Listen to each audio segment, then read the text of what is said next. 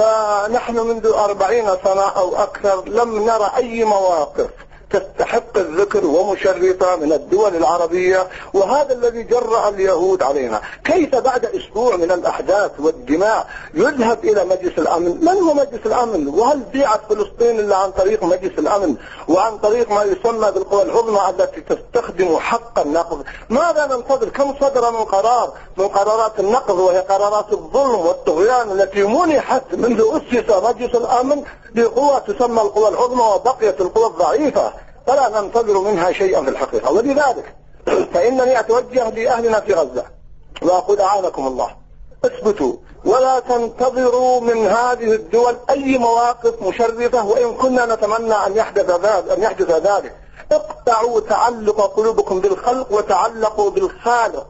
أما يجيب المضطر إذا دعاه ويكشف السوء بل اسمح لي يا أخي أن أقول إن بعض الدول العربية نتمنى منها أن تكف شرها عما يحدث بغزة أن تكف شرها لا ننتظر منها خيرا. لماذا؟ لأنهم يقولون نحن نقف بالحياد بين الفلسطينيين وبين اليهود. ألم يسمعوا قوله تعالى أم نجعل الذين آمنوا وعملوا الصالحات كالمفسدين في الأرض؟ أم نجعل المتقين كالفجار؟ هل ينتظر من هؤلاء مثل هذا الحكم والعياذ بالله؟ أفنجعل المسلمين كالمجرمين؟ نعم فأقول لهم اقطعوا تعلقكم بالخلق حتى لا تنتظروا من بعض الأحزاب التي أثارت الفتن كما يحدث من حزب الله في لبنان ما يسمى بحزب الله. جعجعة ولا نرى طحنا. إن كانوا صادقين حزب الله فليفتحوا الحدود في جنوب لبنان للمجاهدين ليدخلوا إلى فلسطين ليشغلوا العدو. لكنها جعجعة لم نعرف من هؤلاء الفرس. ولا حلفائهم إلا هذا الكلام الذي يثير الفتن ويثير البلاء. نعم كيف نقول نلتزم الحياد؟ ثم أيضا وسائل بعض وسائل الإعلام العربية. في الوقت الذي أشكر فيه قناة الجزيرة وأشكر بعض القنوات الإسلامية وغيرها هناك قنوات مخدرة مع كل أسف يهودية الهوى الأحق أن تسمى العبرية في توجهها ثانها وما تظهره من استفتاءات كم صرفتنا يد كنا نصرفها وبات يحكمنا شعب ملكناه.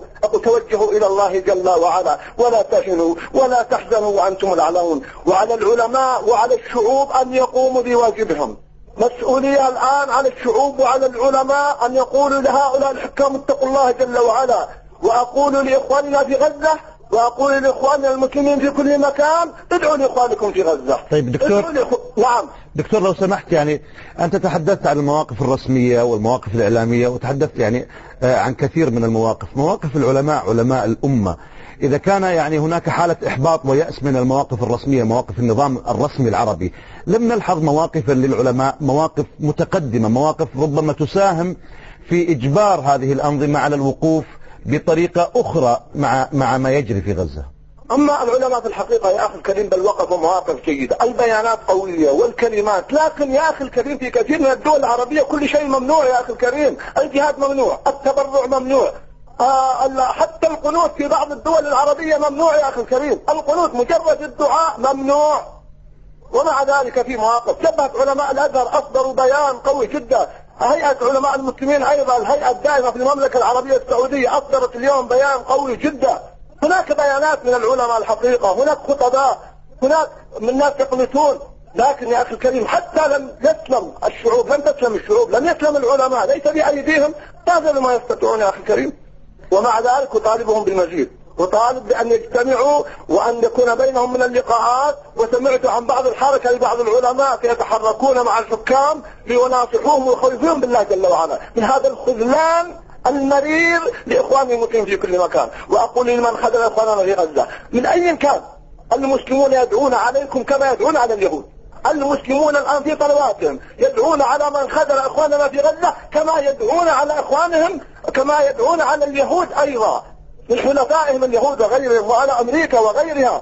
والنبي صلى الله عليه وسلم يقول من خذل أخاه في موطن ينتظر منه نصرته خذله الله يوم القيامة. حتى هناك بعض المحسوبين على الخير خذل إخوانهم. يحرمون القنوت ويمنعون الدعاء ويمنعون التبرعات. الأمور أيها الأحبة ومع ذلك أبشر. والله إنني متفائل. مع مرارة الواقع فإنني متفائل بإذن الله. والأمة منتصرة بإذن الله. وفي مناسبة عاشوراء كيف انتصر موسى عليه السلام على فرعون؟ انتصر موسى وقومه على فرعون وملئه ستنتصر الأمة بإذن الله. قال أصحاب موسى إنا لمدركون؟ قال كلا إن معي ربي سيهدين. الأمة منتصرة بإذن الله. لكن ماذا هل نتفرج على هذه الأحداث؟ ماذا أعددنا في المستقبل؟ هل ننتظر حتى تنزل نازلة أخرى ثم نصيح ونبكي ونشد لا. فأقول لإخواننا في غزة وللمسلمين يا جماعة أبشروا. الأمة منصورة. الأمة قادمة شاء من شاء وأبى من أبى. ولكنني أخاطب هؤلاء الحكام. أقول لهم لا بد أن تقفوا وقفة تمسحون العار عن أمتنا في مواقف جادة دكتور. صادقة. نعم.